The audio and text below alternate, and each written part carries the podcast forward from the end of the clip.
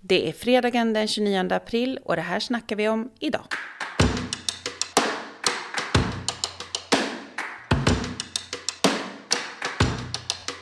När en av världens starkaste vapenmakter, Ryssland, invaderade Ukraina den 24 februari förändrades de säkerhetspolitiska villkoren på nytt i Europa.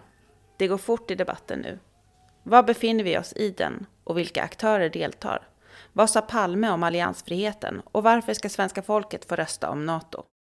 Det är det här vi snackar om idag och i studion finns jag, Anna Herdy.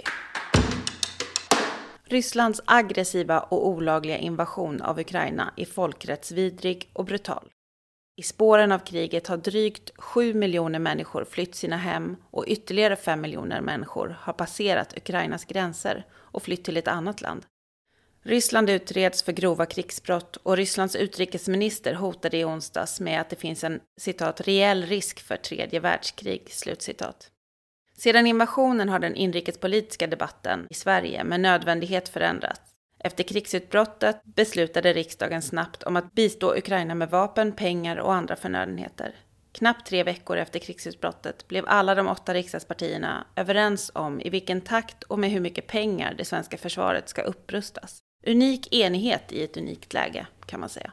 I Finland, ett av de grannländer som Sverige har ett nära samarbete med, har Socialdemokraternas ordförande tillika Finlands statsminister Sanna Marin bytt fot om NATO.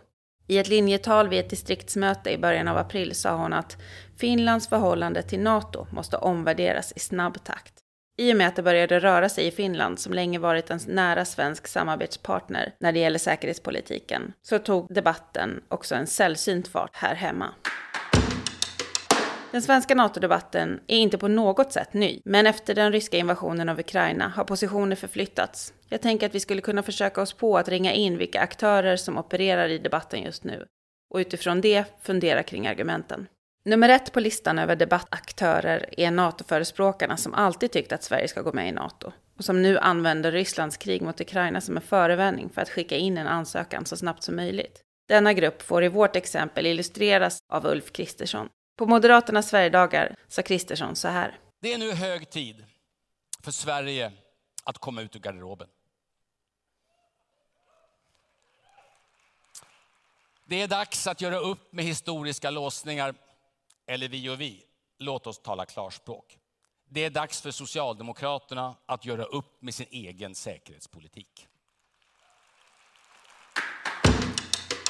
Kristersson och Moderaterna, Liberalerna, Kristdemokraterna och Centerpartiet har alla gjort bedömningen att Sverige ska gå med i NATO. Men man kan inte säga att de alltid har trott att det har varit den bästa lösningen. 1984 lät den moderata linjen så här, citat. Sveriges alliansfria politik stödd på ett starkt försvar bidrar till stabiliteten i norra Europa. Slutcitat. En konsekvent linje som övergavs i samma takt som man strukturerade om försvaret från ett totalförsvar till ett insatsförsvar. Ja-sägarna som alltid varit för NATO har också den gemensamma nämnaren att de inte vill ha några undantag för kärnvapen som våra grannländer Danmark och Norge har. I en intervju i P1 Morgon den 26 april får Liberalernas partiledare Johan Persson frågan om kärnvapen och undantag av programledare Henrik Torehammar. Om vi börjar med frågan om kärnvapen. Om NATO vill placera ut det i Sverige, ska det vara okej? Okay?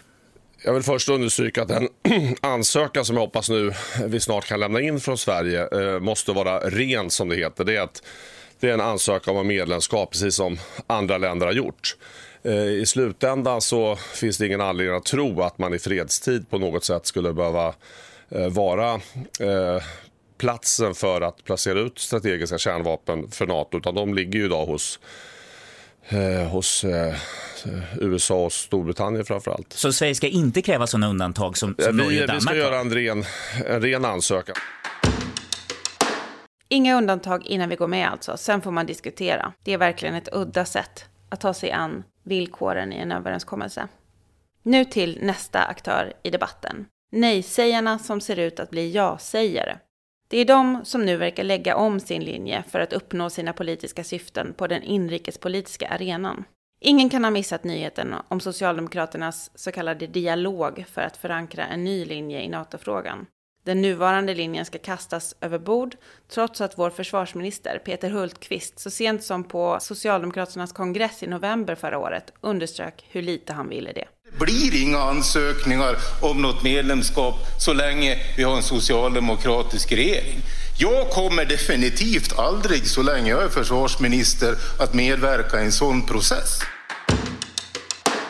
Det är intressant att den säkerhetspolitik som försvarsminister Hultqvist har åstadkommit, värdlandsavtal med NATO, bilaterala avtal med många olika länder, har varit en politik som i Hultqvists mening har varit den bästa säkerhetspolitiken om det blir ett spänt läge. Och nu, när det spända säkerhetspolitiska läget uppstår, då ska vi helt kasta den här strategin och ta ett steg över till försvarsalliansen NATO som Hultqvist varnat för kommer öka riskerna för hot mot Sverige. Den så kallade dialogen och den enligt uppgift helomvändning som väntar det socialdemokratiska partiet gör det inte svårt att spekulera i om vändningen också handlar om något annat. En sån spekulation gör Maggie Strömberg och Torbjörn Nilsson, båda politikreportrar på Svenska Dagbladet i podden Politiken den 13 april. Mm, när man pratar med högt uppsatta socialdemokrater så tillstår de ju att ja, det är i någon mening Finland som bestämmer åt oss. Men nu måste vi se till att vårt parti och då pratar de om partiet, känner att det är partiet som tar beslutet. Mm.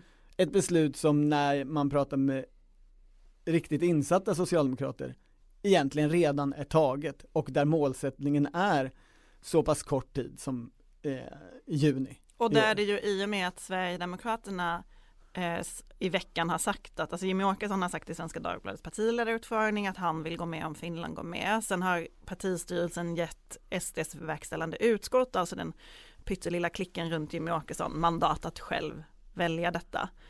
Eh, det betyder ju i praktiken att det redan finns en riksdagsmajoritet. Ändå är det liksom, ändå ska de socialdemokratiska eh, medlemmarna ute i varje distrikt nu få känna att det är de som avgör den här frågan. Och Tobias Baudin har gått ut och sagt så här, vi måste ju bli klara med det här innan valet så att vi kan ägna oss åt valet. Men det här kommer ju inte vara en dialog, en process som kommer vara under lång tid, utan vi vill göra en ganska snabb process. Inte minst för att vi kommer vara så fokuserade på att driva en offensiv valrörelse, knacka dörrar som bara den och prata om valet. Alltså det är... Um... Det måste ju vara det dummaste han har sagt hittills i sin karriär.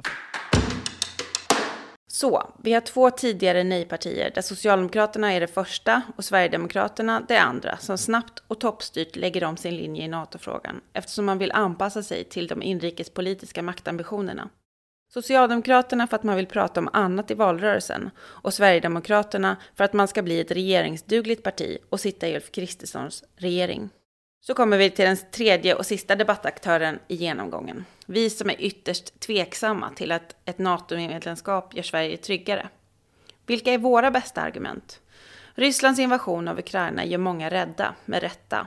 Därför är det oansvarigt av högern och antagligen också Socialdemokraterna att utan förankring passa på att pressa igenom ett beslut som hotar Sveriges säkerhet. NATO är inte ett skydd från att kriget kommer till Sverige. Det kan vara tvärtom. Ett NATO-medlemskap riskerar att dra in vårt land i konflikter som vi annars inte skulle valt att delta i. Att bibehålla nationell handlingsfrihet och egen beslutsmakt är det tryggaste alternativet för Sverige. Varför är det så då? Jo, vi vill hålla kvar den handlingsfrihet och beslutsmakt som bara kan finnas hos ett land som är militärt alliansfritt. Att som högern och sannolikt nu också Socialdemokraterna ta de här riskerna och ge sig ut på okänd mark, det är inte ansvarsfullt. Kärnvapen i Norrbotten, NATO-trupp på Gotland. Det gör Sverige mer utsatt, ökar spänningarna här och tar oss längre ifrån en säker tillvaro. Vill man ha ytterligare argument till varför den svenska militära alliansfriheten har tjänat oss väl kan man lyssna till Olof Palme. Så här sa han i sitt första majtal 1968 i Stockholm. Citat. Den svenska neutralitetspolitiken bestämmer vi själva. Den vinner styrka i sin djupa förankring hos det svenska folket i folkets beslutsamhet att värna Sveriges fred och oberoende. Neutralitetspolitikens trovärdighet bygger på att omvärlden har tillit till att vi håller fast vid vår linje även i krigslägen. För att kunna bevara en sån tillit krävs det att vi i alla lägen handlar fast, öppet och konsekvent. Därmed ökar vi möjligheterna att driva en aktiv fredspolitik och att rädda landet från krig. Även om det inte är neutralitetspolitik som är rådande i Sverige idag, så innebär alliansfriheten ett ökat skydd för Sverige. Att föra in Sverige i NATO är mindre säkert eftersom det drar in oss i andra länders krig. I debatten nu presenteras NATO-medlemskapet som om det vore en buffé. Det är bara att kolla på Twitter om ni behöver garantier från medelålders män vad Sverige inte behöver göra som NATO-medlem. Det finns garantier så det räcker till alla. Skämt åsido. Att tro att musketörsparagrafen i Nordatlantiska fördraget från 1949 inte innebär förpliktelser, eller att Sverige inte skulle kunna bli indraget i några andra länders krig, en otroligt naiv syn på vad en militärallians är. Det är orealistiskt att vara medlem i en militärallians utan att någonsin bidra med militär. Vi kommer inte komma undan med att skicka fältsjukhus jämt. I verkligheten är NATO en allians som bygger på politik, på normer och förväntningar. Inget konstigt i sig, men det är naivt att tro att vi kan vara en varaktig medlem i en sån allians utan att bidra militärt. Beslutet om att gå med i NATO innebär att vi kommer skicka svenska ungdomar i krig. Att svenska killar och tjejer kommer tillbaka i kistor. Det är ett beslut som ingen borde ta lättvindigt. Därför presenterade Nooshi Dadgostar i torsdags ett krav om folkomröstning om NATO. Så här förklarar hon varför i Aktuellt samma dag. Det är klart, eh, svenska folket behöver höra fördelar men också de stora, stora risker som finns med ett eh, NATO-medlemskap. Och den debatten tycker inte jag har funnits och Nato själva. Och det är självklart att det är på det sättet. Det här kräver ju en väldigt bred demokratisk förankring. Och då ska man komma ihåg att svenska folket, när de röstade på de partier som sitter i riksdagen idag, då röstade ju majoriteten för partier som lovade att inte föra in Sverige i Nato. Därför kräver vi nu att vi, vi, vi, har en ny debatt om detta där vi presenterar de olika argumenten och sen får svenska folket ta Men varför, beslut. Jag tänker debatt Idag var det NATO vi snackade om. Vad tycker du att vi ska snacka om härnäst? Skicka gärna in ett mejl till podd.vansterpartiet.se med dina förslag. Och du, på söndag är det första maj. Det är klart att du ska hänga med. Tillsammans med andra fira vunna segrar och ladda batterierna för alla de nya. På vänsterpartiet.se finns lista på alla Vänsterpartiets firanden. Leta upp ditt, dra med dig en kompis och känn styrkan i att fira med likasinnande. Nooshi Dadgostar håller tal i Sveriges största första majfirande i Kungsträdgården i Stockholm klockan 15.40. Det går utmärkt att se det via vänsterpartiet.se om man inte är på plats. Ha en underbar första maj så hörs vi nästa vecka.